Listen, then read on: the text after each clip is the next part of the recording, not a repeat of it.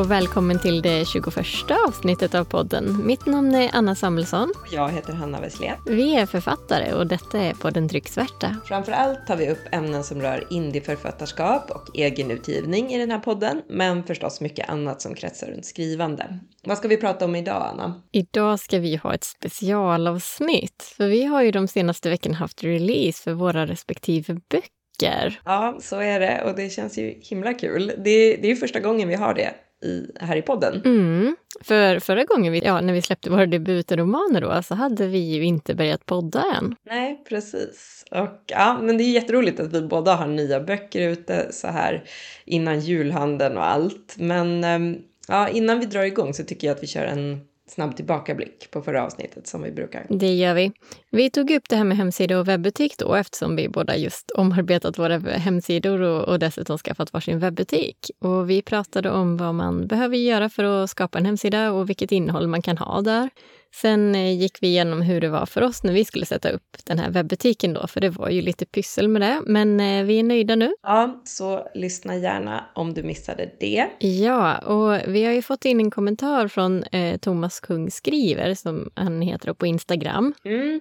Och eh, Thomas skriver ju att det, ja, det är förstås inte lätt för vanliga dödliga att förstå hur man skapar en hemsida och var den ska finnas och så. Nej, det håller jag med om. ja, precis. Men just Thomas arbetar som webbutvecklare då och han, han skriver att han har testat alla lösningar mellan himmel och jord. Eh, och han reagerade lite på vad som kanske lät som ett antagande så från vår sida att det skulle vara bättre med ett webbhotell där man installerar Wordpress som ju vi har eh, jämfört med att ha Wordpress.com och ha sajten hostad där. Och eh, han påpekar att man inte direkt äger sin sida om den ligger på ett webbhotell heller. Och ja, jag känner att det här är ju lite över min tekniska kunskapsnivå på ämnet. Eh, ja, som här egentligen. Jag är ju inte heller webbutvecklare. Wordpress.com tror jag inte vi tog upp alls som alternativ i förra avsnittet. Du, du nämnde väl att du hade råkat ha det från början, men det är väl bra att lägga på minnet att det alternativet finns då om man funderar på var man vill ha sin hemsida och det vi nog försökte få fram förra gången, eller nämnde i alla fall, det var att vi tyckte det var skillnad på en egen domän som inte ligger på till exempel Wix eller GoDaddy eller Weebly eller vad det nu kan vara då. Delvis för att åtminstone jag personligen inte vill ha adressen till exempel annasamuelsson.wix.com utan bestämma domän helt själv, men också för att någon annan inte ska kunna stänga ner min sajt om de själva upphör. Och visst, om mitt webb och hotell upphör så gissar jag att det kvittar vilken domän jag har, för sajten lär ju försvinna ändå. Men eh, det känns ändå bra att äga sin eh, domän, tycker jag. Ja, absolut. Eh, och Thomas skriver vidare då att han valde att ha sin sida, thomaskung.se, med ett eh, standardabonnemang på wordpress.com, vilket innebär att de sköter servern och uppdateringar och sånt. Och eh, han skriver att framförallt går sidan snabbt att ladda, vilket när man har plattform hos ett webbhotell kan kosta pengar att ordna. Och det, det har jag ju märkt mm. också som jag nämnde i förra avsnittet. Mm. Mm. Och han skriver bland annat också att Eh, han kan låta användare registrera sig och få nyhetsbrev och poster och så eh, utan att använda Mailchimp eller liknande. Och eh, ja, han tycker det är praktiskt och prisvärt. Och ja, jag håller med. Det låter ju väldigt smidigt. Och ja, jag har varit inne på Thomas sida också. Den är jättetrevlig och laddar precis som han skriver snabbt.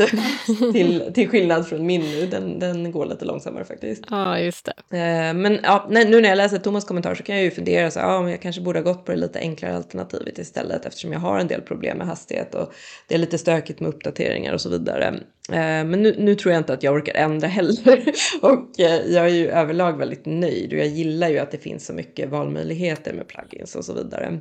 Särskilt om jag lyckas få ordning på hastigheten då. Eh, men jättebra inspel av Thomas där och beakta om du sitter och funderar på vad du ska välja för lösning i alla fall. Så ja, tack så jättemycket för det Thomas. Absolut, det är alltid bra med andras lösningar på saker och ting. Mm. Och apropå kommentarer, jag hörde att någon hade hört på en annan podd att det absolut inte lönar sig som författare och ha en egen webbutik. Vad skulle du säga om det? Mm -hmm. Ja, så där. Jag, jag, skulle nog säga att det beror på. Eh, om man har en lösning som kostar sig 1000 till 2000 kronor i månaden, vilket säkert inte är orimligt, och, och man säljer en bok i veckan eller en i månaden, nej, det är klart att det inte lönar sig. Men eh, om man har en billigare lösning så tycker jag att det kan löna sig, eller tänker att det kan löna sig. Sen vet jag inte om det är just den här ekonomiska delen bara för att, eh, säg jag som läsare då skulle ju inte avstå och köpa från en annan författare för att jag får mejla till författaren eller skicka in ett formulär.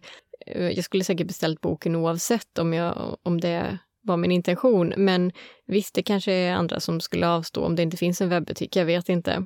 Men just det här att det faktiskt sparar jobb mot att ha exempel ett formulär då, eller annan kontaktväg. Så arbetsmässigt så tror jag nog att det kan löna sig. Mm. Om det är en billig, ett, ett, en billig eh, webbutik då, om man inte säljer så många böcker. Mm. Ja, men jag håller med. Det är två viktiga aspekter du tar upp där.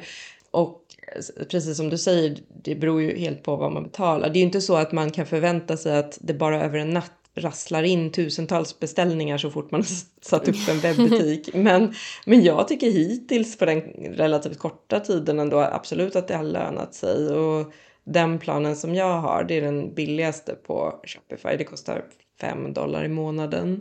Eh, det är ju inte så stora kostnader det handlar om. Nej. Men det måste ju var och en förstås utvärdera om det är värt att ha eller inte. Mm. Det är ju en del jobb med en webbutik också, det, det, måste man ju komma ihåg. Så är det absolut. Det är jobb att sätta upp den och sen är det väl minimalt med jobb skulle jag säga, till skillnad från ett formulär som kräver mer administration att ta hand om under tiden med beställningar och så som annars hamnar direkt i webbutiken. Mm. Och det är klart det finns formulärlösningar och så också som hamnar direkt i, i, en lista som är väldigt smidiga och ofta betallösningar då. Men de kanske kräver mindre initialt arbete, de här formulären, även om mitt eget gamla formulär gav mig grå hår innan jag var klar. ja, jag började ju sätta upp ett sånt och misslyckades och sen hittade jag någon annan halv, halvdan lösning. Så att jag tyckte absolut inte att det var så lätt att sätta upp ett sånt där formulär. Eh, och dessutom det här med webbutik, det finns ju säkert många som inte ens har tänkt sälja böcker direkt själva och då är det ju, då är det ju såklart inte något man ska ha. Men eh, man ska nog tycka att det är kul att ha en sån här webbutik och något man vill hålla på med långsiktigt. Annars skulle inte jag sätta upp en. Nej. Men ja, hittills så är jag jättenöjd i alla fall och det är bra med alla funktioner som finns. Och till exempel nu då så har jag ett eh, Black Friday-erbjudande den här veckan fram till söndag den 26 november. Och då får man automatiskt, när man går in så får man automatiskt 15% på alla köp den här veckan. Ah. Så jag passar på att göra lite reklam för det nu. Så äh, gå gärna in på Hanna Wesslén Books och kolla in det erbjudandet. Om du har funderat på att läsa Nepalsviten så är det bra tillfälle. Ja, du tjuvstartar lite där, vad kul. jag tänkte faktiskt också ha Black Friday-erbjudande då, men på Statisterna. Ah. Och då är det nu från nu på torsdag då, den 23 till söndag den 26. Ja men just det. det. är, det är kul att kunna ha lite sådana, att det, att det finns de funktionerna. Det är väldigt lätt att eh, att fixa i webbutiken. Faktiskt, ja, jag. jag. tycker det med. Om man vill ha vad det nu kan vara, fri frakt, eller nu har du, ditt, mm. nu har du det inkluderat i dina, men lite olika rabattkoder och sådär. Det är faktiskt jättekul att kunna erbjuda. Ja, smidig lösning. Men eh, nu, nu kör vi igång tycker jag.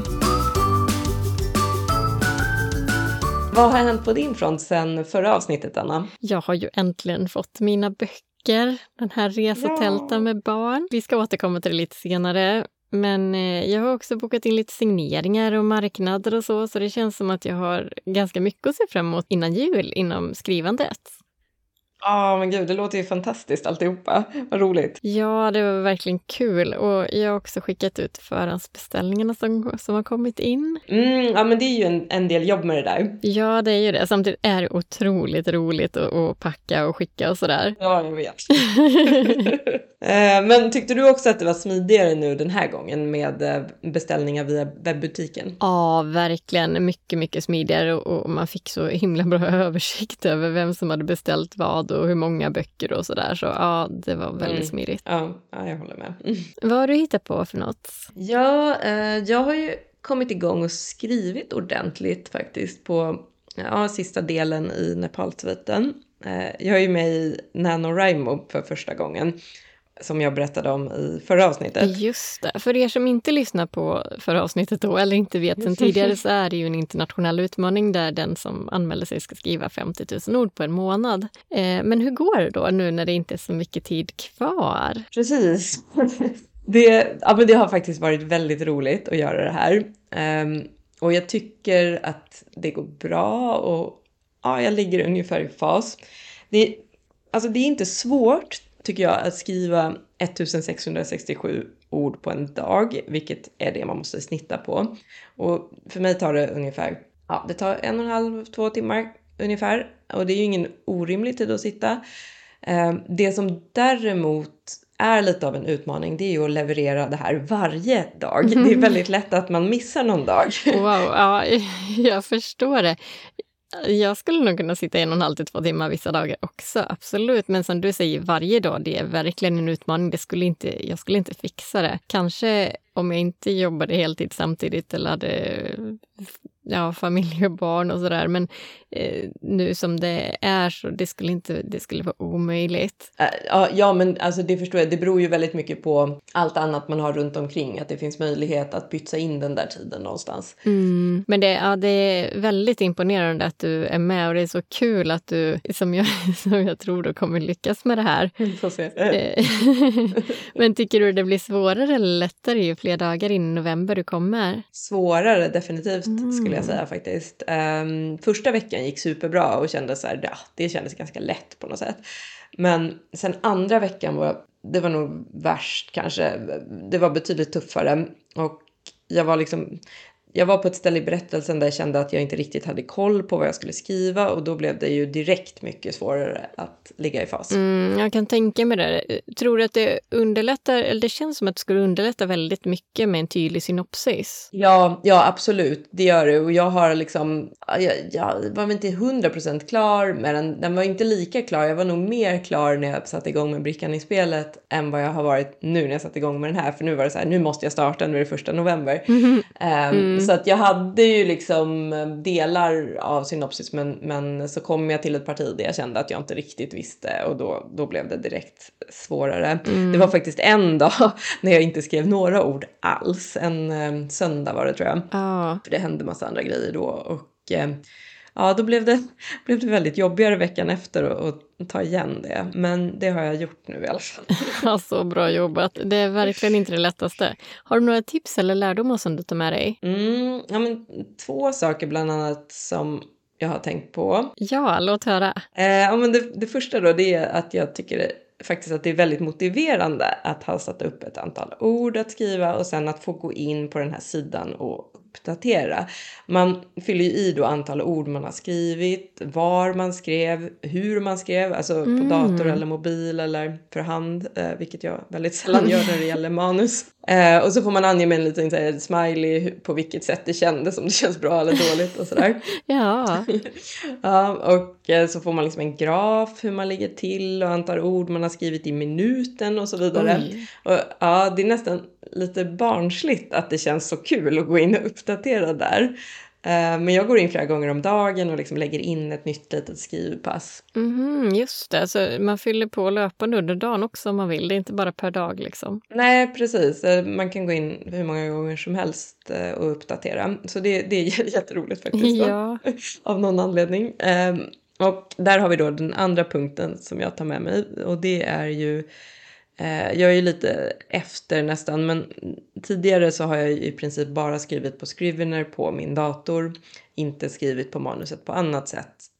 Men nu för några veckor sedan, jag tror jag nämnde det förut, så tog jag tag i att ladda ner Scrivener för iOS appen till mobilen. Mm, vad kul! Um, och efter vissa liksom, tekniska meltdowns mm. så lyckades jag få dem att synka så nu kan jag liksom växla väldigt smärtfritt mellan mobil och dator. Mm. Och ja, det ger så mycket extra ord faktiskt. Jag skriver liksom kanske 70 ord här och 150 ord där. Och tillsammans så blir det en hel del. Ja, jag kan tänka mig det. Mm. Eh, vi har ju nämnt det i något tidigare poddavsnitt för inte så länge sedan, det här tipset om att skriva även på mobilen liksom ta tillvara på varje minut som man får. Jag gillar ju det personligen, för man kanske mm. skriver om man sitter och väntar på bussen eller vad som helst. Jag tycker det är väldigt smidigt. Och att det då blir väldigt många ord. Ja, ja men verkligen. Och det är lite så här, det kan vara lite psykologiskt också. Ibland kan det ju kännas väldigt jobbigt att sätta sig och tänka så här, nu ska jag skriva 1700 ord och så är sidan tom. Det kan kännas lite så här svårt att komma igång. Mm. Men det är mycket lättare om man bara tänker så här, nu ska jag bara skriva 10 minuter och så får vi se vad det blir. Och så helt plötsligt så har man skrivit eh, några hundra ord. Liksom. Mm. Så att eh, det, det, är lite psykologi i, det på något sätt. Men apropå det här med att synka ihop skriverna i mobilen då och datorn. Det är inte jättesvårt men jag hade ändå vissa problem. Eh, och eh, jag har skrivit ihop en kort bloggartikel om hur jag gjorde för att sätta ihop den synkningen då rent tekniskt. Så den kan man läsa om man vill ta tag i och sätta upp den lösningen. Kul! Och den finns på din hemsida, eller hur? Ja, ja precis. På indieförfattaren.hannaveslén.se. Just det. Och du hade snappat upp eh, några nyheter, eller hur? Ja, ja, men vi pratade om det. Jag tänkte nämna några saker som jag har läst sen sist som jag tycker är lite intressanta. Ja. Och eh, jag prenumererar ju på Boktuggs nyhetsbrev. Det är säkert många andra som gör det också. Om man inte gör det så är väl det ett, ett tips då. För det är bra. Mm. Och eh, de har ett bra analysbrev också ifall man vill stötta dem ekonomiskt. Men i nyhetsbrevet då som kom för någon vecka sedan, nummer 452 tror jag det var, så nämnde de att Kobo som är en av de internationella stora plattformarna för e-böcker har startat sin Kobo Plus-tjänst, alltså en streamingtjänst för e-böcker och även ljudböcker i Sverige. Okej, intressant. Ja, jag tycker Kobo är jättebra. Det är en väldigt eh, författarvänlig plattform, så, så det här var intressant. Ehm, och Boktugg ställer sig ju då frågan om det här kan räcka för att sparka igång den sömniga e-boksmarknaden i Sverige. Kobos läsplattor är ju, ja men de är ju populära och säljs redan i Sverige så vi får väl se. Jag har mina e-böcker på Kobo mm. och eh, har väl inte sett någon stor försäljning där. Mm. Men eh, det här gör ju att ja, men det blir mer intressant och det kanske blir mer aktivitet där avseende svenska böcker. Jag är inte säker på att konkurrensen just nu just på svenska böcker är lika stor där än som till exempel på ja, men Nextory och Storytel och de andra. Men ja, vi får se helt enkelt. Just det, ja, det känns som att eh, vi här i Sverige, vi gillar verkligen ljudböcker. Verkligen.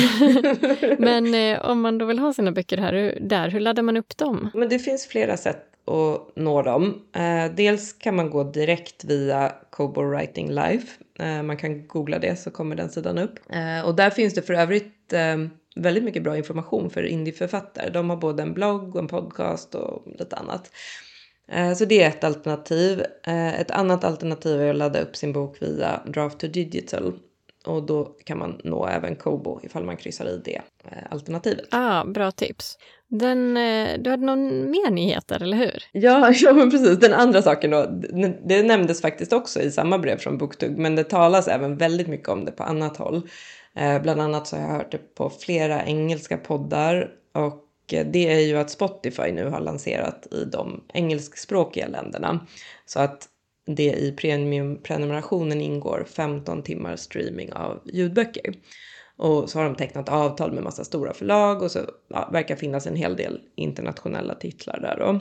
Och det här är en jättegrej verkar det som eftersom de i de här länderna inte har haft samma typer av streamingabonnemang som vi är vana vid i Sverige. Som ju gör att det blir väldigt billigt att lyssna på ljudböcker. Ja, det är en het fråga nu. Mm, ja, men verkligen. Och sen, sen lyssnade jag på Förlagspodden och eh, de sa där att de tror att det här kommer till Sverige också någon gång i början av nästa år. Och då tänker jag att eh, där vill man ju säkert se till att ha sin ljudbok då, ifall man kontrollerar rättigheterna till den. Ja, det är ju många som har Spotify-prenumeration och 15 timmar blir ungefär som ja, en ljudbok i månaden och, som ingår då med andra ord. Ja, ifall upplägget kommer se likadant ut här, det vet vi ju inte. Men eh, ja, jag tror ju generellt att det är bra att finnas på så många ställen som möjligt. Och jag tänker att eftersom Spotify äger Find Away Voices så måste ju det vara ett enkelt sätt att gå via Find Away Voices för att få ut sin ljudbok på Spotify. Så att om det är någon lyssnare som har testat det så vore det ju intressant att höra mer om det tycker jag. Precis, hör gärna av er i så fall och berätta. Mm. Men eh, vad säger du, ska vi komma in lite på avsnittets tema också då? Release. ja, det gör vi.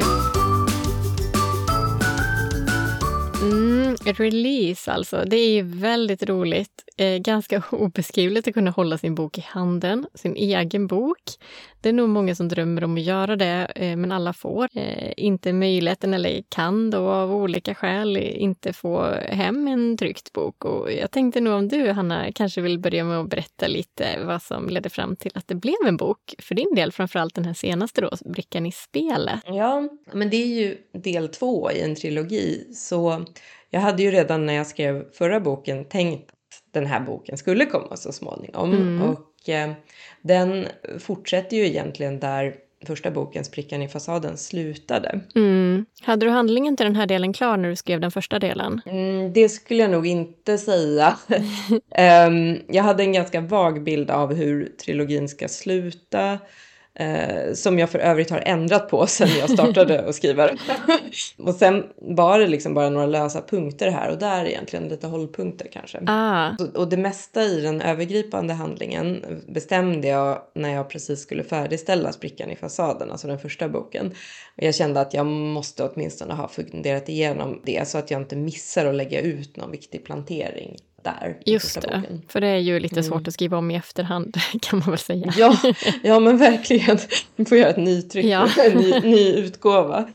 um, ja, nej, så att, eh, och, och, nu, nu var det egentligen samma sak när jag färdigställde den här brickan i spelet så satte jag ut några övergripande vändpunkter och sånt för del tre för att inte missa och få med något viktigt. Och ja, än så länge har det funkat bra, men Ja, vi får se, för jag är inte klar med trean än. kanske, kanske, inte, kanske inte går ihop på slutet. det går säkert fint. Skulle du säga att böckerna är lika varandra om man tänker ja, men sett till handlingen och intrigen och så vidare? Mm, delvis så är de ju absolut lika varandra. Eh, det är samma huvudpersoner och liknande miljöer och så. Så tillvida att den utspelar sig i Sverige och Nepal. Och känslan i böckerna är nog också ungefär detsamma. Det är ju spänning eller ja, men nästan lite inslag av feel good crime var det någon som sa eftersom karaktärerna och miljöerna ger dem en viss stämning då. Ah, aldrig hört den benämningen förut, men eh, ja, det låter väl logiskt. Eller mm. åt eh, thrillerhållet tycker ju jag lite grann. Ja, ja men det, det håller jag för med om. Det är också, den kanske inte är supermörk som vissa thrillers kan vara, men absolut. Nej, men den är fortfarande um, rå bitvis. Ja, jo, men, ja, absolut. Och kanske, kanske att den första boken är lite råare än den ja. faktiskt. Sen i första boken så var ju en central punkt den här vapensmugglingsaffären som Emily och Marcus kom på spåren och den tråden avslutas ju mer eller mindre i första boken och i bok två så är det mer fokus på läkemedelsbranschen och en smutsig affär i den som de kommer i kontakt med. Just det. Så ett, så ett återkommande viktigt tema är ju lite det här med hur, hur långt människor kan vara beredda att gå för pengar och samtidigt som boken handlar om väldigt mycket annat och nu i den här boken blir det ju mer fokus på Emelies sökande efter sin försvunna pappa då. Ja, det tycker jag var jättekul att du fokuserade mer på nu, eh, för det har jag varit nyfiken på sen första delen då. Och ja, det ska bli jättespännande att få reda på upplösningen på alltihopa sen i sista delen. ja, precis. Men eh, om vi går över till din bok nu då. Res och tälta med barn, en guide till naturupplevelser i Sverige och övriga Europa. ja, lång titel där. Men eh, det kändes mer okej okay på en fackbok faktiskt, eller guidebok då, än en spänningsroman att ha så lång titel. ja, absolut, det gör det definitivt. Hur eh, resonerade du kring den här boken? Eh, ja, det är ju en bra fråga. Jag hade inte planerat att skriva den här, inte överhuvudtaget. jag skulle skriva klart fortsättningen av Statisterna först och sen skulle jag skriva tredje delen av Statisterna och sen skulle jag, ja, hade jag väl en till deckare sen på gång. Så den här fanns inte med i planeringen alls. Äh, men äh, ibland måste man ju bara liksom skriva ner de här idéerna som kommer på en gång. Mm, så är det ju. Och den här idén kom ju under en lång tältresa med familjen att jag måste skriva om det här. Och inte om mina egna upplevelser då, eller liksom familjens upplevelser, men det som med mina eh, kunskaper och erfarenheter, det jag lärt mig under alla år med tält och friluftsliv och sådär. Ja, men just det. Verkligen roligt att kunna dela med sig av sin kunskap på det viset. Ja, jag, det är också mycket som inte inte finns att hitta skulle jag säga. Eh, eller jag har inte hittat det när jag har sökt efter det, hur man ska bära sig åt med vissa frågor. Så det, jag hoppas att det kan hjälpa många som vill ut och kanske inte helt vet hur man ska bära sig åt med allting och så. Ja, det är jag övertygad om. Och, och, när jag var liten var vi ute väldigt mycket, eller väldigt tidigt med tält och, och jag var så liten så jag inte ens minns de första gångerna. Och vi seglade och paddlade och cyklade och var ute med husvagnen. Alltså vi var verkligen utomhus mycket när jag växte upp och så har det fortsatt och även sen jag och min man fick barn då. Vi tältade när de var drygt ett halvår gamla första gången och de tyckte det var fantastiskt roligt med övernattning. Ja, det kan jag verkligen tänka mig. Vad härligt. Ja, det märks ju verkligen när man läser boken att det här är något som du och hela familjen säkert brinner för och eh, du har ju väldigt mycket erfarenhet också. Och jag har ju också tältat en del både med barnen och innan, men då har det kanske varit så en eller två nätter i taget på en camping. Så eh, boken innehöll ju massor som var nytt för mig. Ja, kul. Ja, när jag skrev ner allt jag kunde komma på, verkligen alla tips och tricks och ja, men, aktiviteter och resmål och så vidare. Och ja, valde sen bland tusentals foton för att kunna hitta passande bilder. Ja, ja men fotona tillför väldigt mycket tycker jag. Det blir en, ja, men det blir en inspiration och en trevlig helhetskänsla, något man gärna liksom vill läsa och bläddra i. Ja, det är bra att det ger den känslan då. Du når det fram som det är tänkt. Jag tycker verkligen det här med att resa, tälta och friluftsliv i allmänhet är väldigt roligt och, och tält är praktiskt på så många sätt. Mm. Och det fanns faktiskt inte någon bok med just den här inriktningen tidigare, för jag kollade runt lite. Det finns friluftslivsböcker och det finns även familjeböcker för friluftsliv och, och med barn och sådär.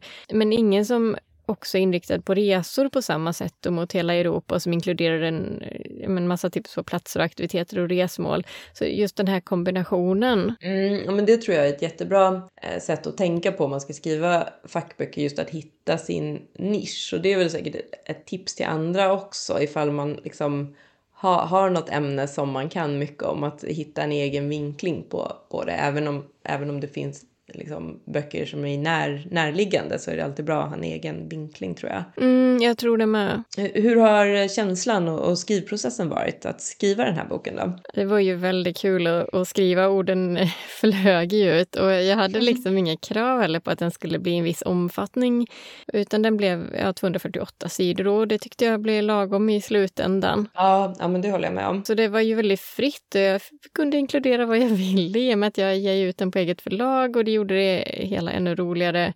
Och självklart utgick jag ifrån vad man som läsare skulle kunna uppskatta i den här typen av bok och att få en bra sammansättning. Ja, ja, men där kan jag tänka mig att svårigheten nästan var att begränsa, eh, särskilt bland alla bilder. Du måste ju ha hur mycket bilder som helst. ja, ja, bildmässigt hade jag nog kunnat fylla några hundra sidor till, absolut.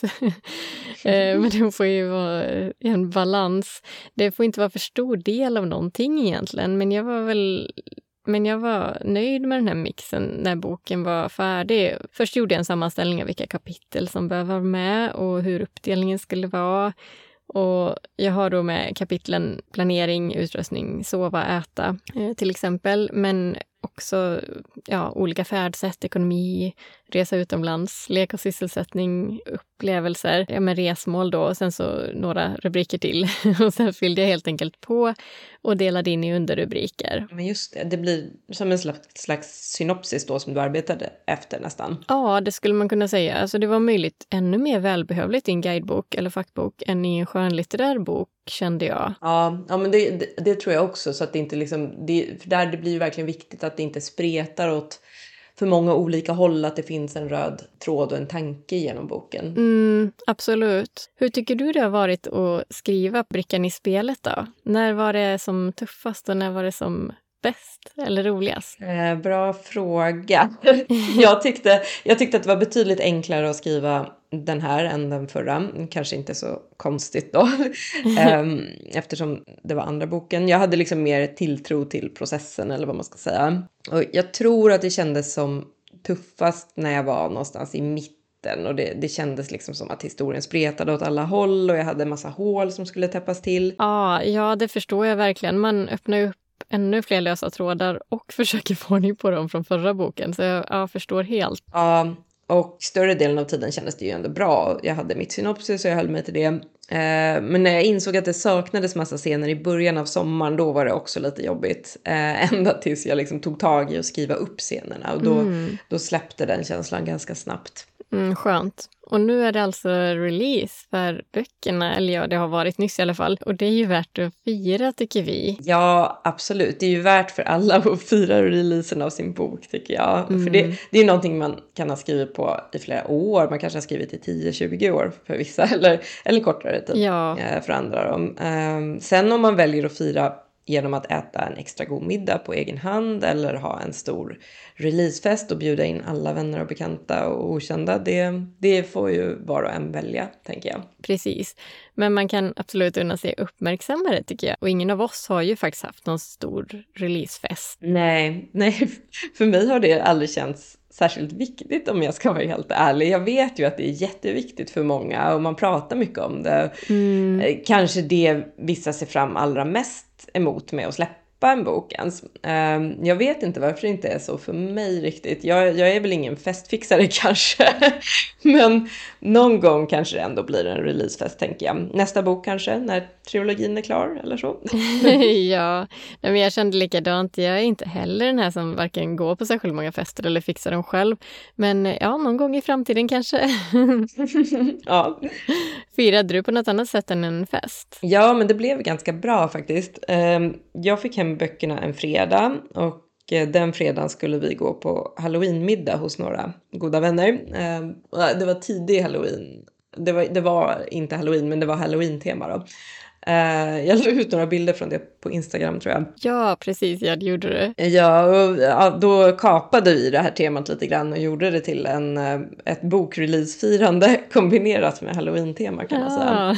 Uh, så vi var, ja, vi var utklädda till häxor och vampyrer och min sambo fixade en stor flaska bubbel och ja, det blev riktigt roligt. Vilken kul grej. Och då slipper man ha så mycket fokus på sig själv också och böckerna om man nu inte vill det förstås. Och en kombinationsgrej är nog toppen. Ja, jag, jag kände att det passade. Ja, men för mig var det väldigt lagom. Och, ja, jag kanske inte gillar jättemycket att stå i, i centrum en lång stund så då, då, kunde man prata om boken en liten stund och sen så bara ja ja, hur är det med er? ja. uh, hur gjorde du då? Jag firade väl inte jättemycket men vi åt lite eh, sushi och god mat och så här hemma med familjen då. Eh, men jag är extra glad då den dagen jag hade fått hem boken. Ja, ja såklart. Ja, men det var jag också. Och man liksom hade eh, ja, men fått hålla i den. Ja, vi tänkte ju faktiskt lyssna på hur det var också när böckerna kom hem, för vi spelade in varsitt ljudklipp då. Ja. Så jag tänkte att vi börjar med ditt här. Så nu har böckerna äntligen kommit och jag har burit in dem här i hallen, ska öppna och Eh, titta hur de ser ut.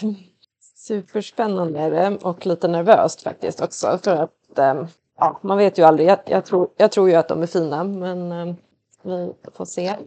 Ja, gud. Ja, de ser jättefina ut på utsidan i alla fall, precis som jag ja, men precis som jag hade trott att de skulle se ut. Men i och för sig är det inte utsidan som jag var mest orolig över. Den har ju Mia gjort. Det är mest inlagan som jag är orolig över. Men den ser också jättefin ut. Nu bläddrar jag i den här. Åh, oh, vad skönt. Ingenting uppenbart i alla fall som ser konstigt ut utan det här ser, det här ser bra ut. Ja, gud vad bra. Egentligen var jag inte jätteorolig men lite, lite orolig var jag ändå. Man vet aldrig om det är någonting sådär allvarligt man har missat. Nu har jag i och för sig inte läst igenom såklart. Det kan ju vara, det kan ju vara någonting som är konstigt ändå. Men eh, nu när jag bara bläddrar i den så här och tittar hur det ser ut så ser det jättefint ut. Ska titta hur den ser ut också bredvid den andra. Men ska ta fram. Nästan allra finast när man har dem bredvid varandra faktiskt. De passar perfekt ihop. Det blir firande ikväll. Så lät det. Vad roligt att, du, att böckerna blev precis som du föreställde dig att inlagan blev bra, som du hade varit lite nervös för där. Ja, ja, men det var en lättnad verkligen. Jag vet inte varför jag var så nervös, för jag hade ju gjort precis likadant som förra gången och det blev bra förra gången. Men eh, på något sätt är man ju ändå nervös när man trycker upp så många böcker böcker.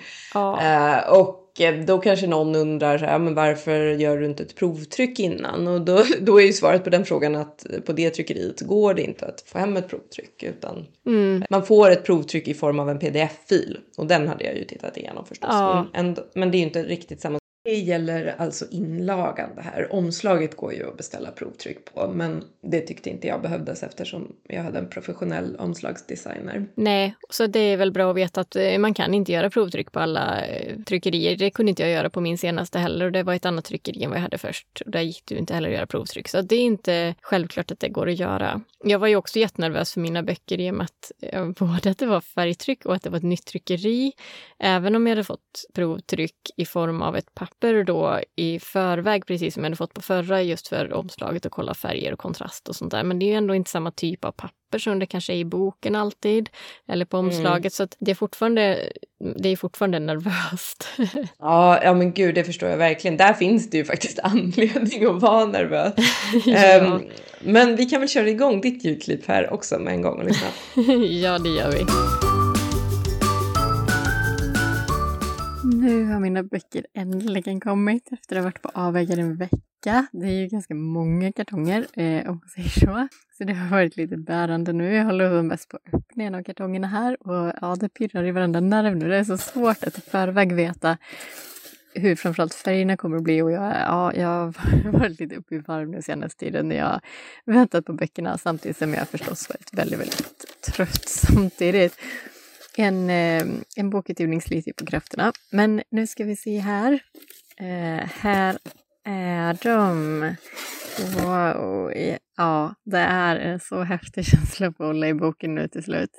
Den är precis som jag hoppats. Det ger ett lugnt intryck. Om jag bläddrar i den Eh, ja, inlagan är minst lika bra som jag hoppas med färger och tryck och, och sådär. Jag valde offsettryck, så att, ja, det känns som ett bra val.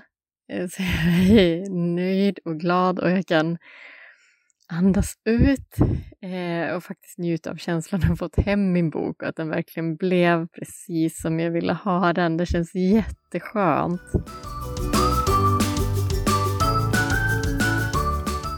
Ah, vad roligt att höra. Du, du lät så nervös först och sen lät du jätteglad.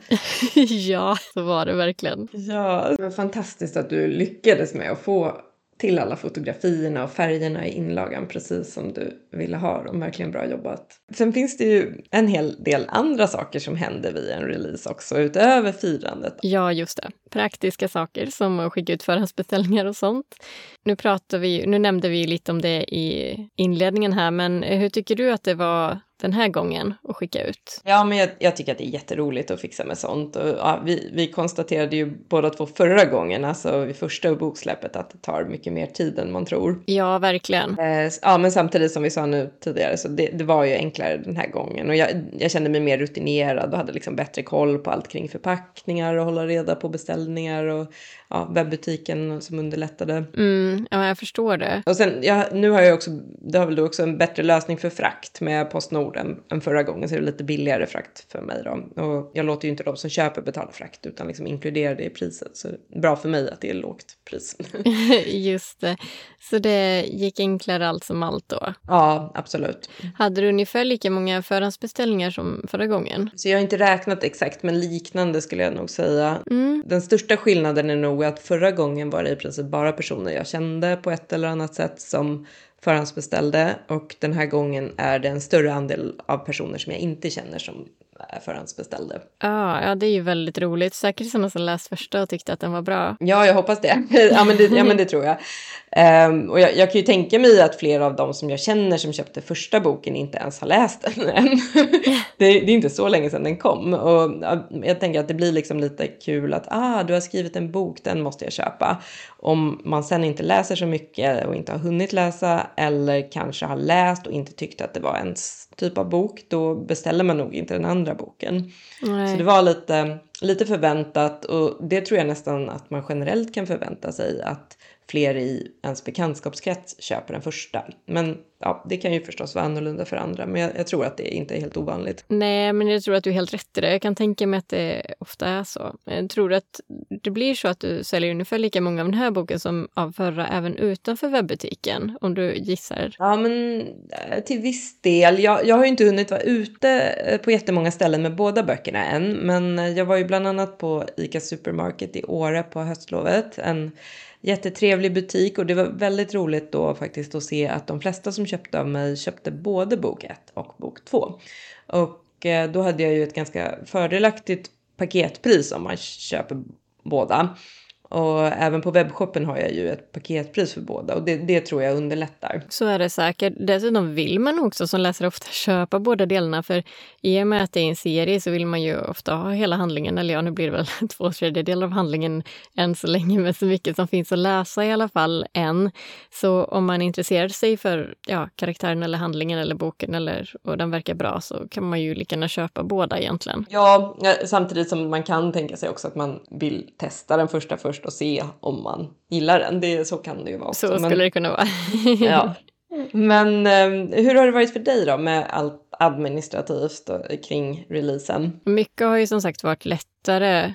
Eh, från början var det liksom så här, hur, hur viker man ihop den här bokkartongen då? Eller hur mycket måste man tejpa för att den inte ska åka upp när den skickas? Eller ja. hur beställer man frakt? Och hur, ja, men allt verkligen. Så nu är det ju absolut lättare. Ja, ja men jag håller med. Och som sagt har ju Shopify-butiken hjälpt till med det här administrativa. Man har allt där istället för att lägga över allt en och en liksom i separat Excel-dokument och vara orolig för att formuläret inte funkar och sådär som strulade förra gången. Mm. Är det något som har varit liksom annorlunda än förra gången tycker du? Det är nog bara det att det känns som att man har bättre koll. Det underlättar så himla mycket. Visst, det är ju en del beställningar och sånt som ska göras i ordning och skickas iväg, men ändå. Mm, mm. Ja, men jag håller med. Så det var liksom lite om att, att skicka ut böckerna och sådär. Men sen har jag sett att du har ju faktiskt varit med i tidningen med din bok också. Det måste du berätta om. Ja, det var ett ganska stort reportage där den 12 november i Borås Tidning. Jag är ju därifrån, utanför Borås, så texten handlade då om mig och boken och varför jag vill inspirera till friluftsliv. Och jag brukar nog kunna få ur mig jorden när jag blir intervjuad, men den här gången blev jag faktiskt lite nervös. Men det var, det var väldigt kul och journalisten tog det lugnt och lät mig ta den tid jag behövde för att svara. Ja, men så himla roligt att de gjorde ett helt reportage. Du, du är väldigt duktig på att få till sånt där måste jag säga. um, jag, jag har inte ens skickat ut en pressrelease, vilket jag vet att jag borde göra eller har gjort, men ja, jag har inte gjort det. Eh, men vill, vill du berätta något om hur, hur det gick till? Liksom? Ja, men pressreleaser är ju väldigt bra. Annars är det inte så många som vet om att man har skrivit en bok eller att man som författare finns överhuvudtaget. Men sen är det ju alltid upp till tidningen eller den enskilda journalisten att överväga om det är en artikel värd att skriva ändå såklart. Men jag tror att man bör tänka till lite när man skriver en pressrelease, om man nu gör det. Ja, men absolut. Och, och det kanske funkar att ringa och så också, men om man nu ska skriva någonting då, det kanske inte räcker med hej, jag heter Anna och jag har skrivit en deckare eller vad det nu kan vara och avsluta med hör av er. Utan man får nog gärna lägga ner en del jobb på det. Och jag är ju väldigt intresserad av journalistik och ja, nu blir det lite kuriosa här, men jag var med i kvartidningen i många år när jag pluggade. Så jag försöker att tänka vad kan en tidning eh, var intresserad av. Ah, ja, men det är väldigt bra tips där. Jag ska försöka ta till mig lite ja. eh, och ta mig där. Jag har väl liksom känt lite, så jag kanske gjorde något halvhjärtat försök eh, med första boken, men som du säger, jag la inte så mycket tid på det och Nej, men det, alltså, det tar ju mycket tid, precis som allt annat som man ska göra under boksläppet. Så att det, är ju, det är ju svårt att prioritera allting. Liksom. Mm, mm. Men det var kul att det blev en artikel där i alla fall. Ja, ja men det var verkligen jättekul. Och det, jag har inte läst hela, men jag såg ju bilderna såg väldigt fina ut. ja. Annars då, vad har hänt i samband med releasen för din del? Men det har ju varit en hel del jobb med att ladda upp eh, e-boken på alla plattformar plattformar och lite sådana grejer. Men även det var ju förstås mycket enklare än förra gången. Ja, just det. Om du är så snabb med det där. Ja, alltså nu har jag ju alla konton och sånt och kan bara logga in och skriva in informationen och välja kategorier och ladda upp och sådär. Men trots det så har det tagit lite tid med de sista. Jag tror att den är uppe överallt nu eh, i alla fall. Ja, kul. Jag vet faktiskt inte ens om jag ska ha den här Resa tälta med barn som e-boken. Jag lutar nog åt att inte ha det, men eh, det blir ju i så fall ett fast istället för flödande format. Ja, det är ju inget som kommer ske innan jul i alla fall, om det nu ska ut som e-bok ens. Nej, det är ju inget måste. Och bilderna och det här, det gör ju sig väldigt bra i, i, fysisk form på något sätt. Ja, så det får nog, ja, jag får vänta med det digitala där, tror jag. Vad ligger närmast till hands för dig nu då? Är det testläsning av del tre i trilogin innan jul, tror du? Ja, testläsning vet jag inte. Nej, det tror jag, det tror jag inte. Um, att jag hinner med att få ut den. Jag, alltså, jag hoppas ju att ha mitt råmanus klart till, eh, ja men inom det här året i alla fall. Mm. Och sen så, sen så har jag en del, eh, ja men lite marknadsaktiviteter och sånt förstås inbokade nu inför julen. Mm, just det, mm. kul. Du då? Ja det är väl också de här och marknaden och signeringarna och sånt som jag nämnde där innan, innan jul. Och jag hoppas verkligen ha ett färdigt utkast till del två i trilogin innan jul, mm. men jag är inte 100% säker på att det blir så. Men det, ja, det känns som att det jag har en förhoppning i alla fall. Ja, nej, och egentligen behöver ju ingen av oss stressa med det här. Men, men det är ju förstås ändå kul att känna liksom att man är en bra bit på vägen då. Verkligen, och det är väl kanske om man nu vill ge ut en bok innan sommaren, vilket jag vill, jag vill att en del två ska komma nu till våren, eh, då behöver jag ju faktiskt ha ett färdigt utkast nu till jul. Jag hade behövt komma mycket längre än så egentligen, för att det tar ju tid med tryck och testläsning och det ska redigeras och ja, det, jag vill inte att det ska komma ut mitt i sommaren. Nej, det är nog ingen, det är ingen bra tid tror inte jag heller. Det är bättre med innan sommaren. Jag, jag siktar ju också absolut på innan sommaren med den här delen. Men jag, jag tänker ändå, eh, det är ju en fördel med att ha eget förlag. Det är ju kortare ledtider. Man, mm. man blir ju klar snabbare i och med att man styr processen helt själv. Så jag tänker ändå att uh, det finns, det finns liksom goda möjligheter för båda oss att lyckas med det. ja, jag hoppas det. jag tror det. Men vad säger du, ska vi runda av? Ja, men det gör vi. Vi brukar ju ha ett veckans tips här. Ehm, men jag tycker att även om det här är lite specialavsnitt så kan vi faktiskt ha det ändå. Så vad är ditt bästa tips när det gäller release av eh, sin bok, Anna? Ja, jag tror att det är att faktiskt klappa sig själv på axeln lite grann och unna sig vila, för det är jättemycket jobb med en bok. Det brukar ju ta år innan den är klar och det är liksom några procent av det här jobbet som syns utåt. Och allt det här dolda arbetet med redigering och sättning, eventuell kontakt med tryckeriet, förlag och vad det kan vara, hemsida och företagande. Det är som sagt mycket slit. Så du som författare ska vara väldigt nöjd med det jobb som du har gjort med boken. Det, eh, det är ju tufft. Eh, så ja, fira gärna lite på något sätt. Ja, men jag håller helt med. Jättebra tips. ja, vad säger du då? Jag skulle jag nog säga att, eh, ja, men att inte känna press på sig att det måste vara på ett visst sätt. Ehm, ja men som det här med releasefest då till exempel. Fixa en sån om du tycker att det känns roligt och hinner och orkar. Och eh, om det mer känns som en lite jobbig måste-grej som du egentligen inte är så sugen på eller har tid med så ja, strunta i den då. Det går bra vilket som. Ja, verkligen. Det är jätteviktigt.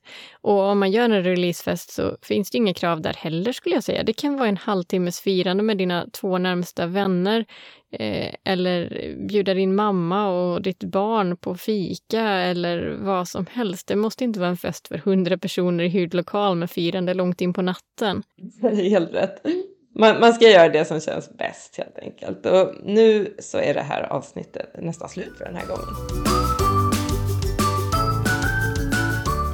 Vi kanske ska berätta vad vi eh, ska prata om nästa gång? Ja, men det gör vi. Nästa gång är det faktiskt dags för det näst sista avsnittet för säsongen och då har vi format och tryckeri som tema. Just det, för det finns ju ett eh, oändligt val av format på böcker och papper pappersval och allt möjligt. Och alla tryckerier erbjuder ju olika val och det är en djungel om man inte vet vad man vill ha. Ja, så är det verkligen. Och om du har inspel kring det här eller om du undrar över något som vi pratar om idag eller har frågor så skriv gärna till oss på podden trycksvarta gmail.com eller på Instagram där vi också heter podden trycksvarta. Precis. Och du har lyssnat på podden Trycksvärta med mig, Anna Samuelsson. Och mig, Hanna Wesslén. Vi hörs igen om två veckor. Ha det fint till dess.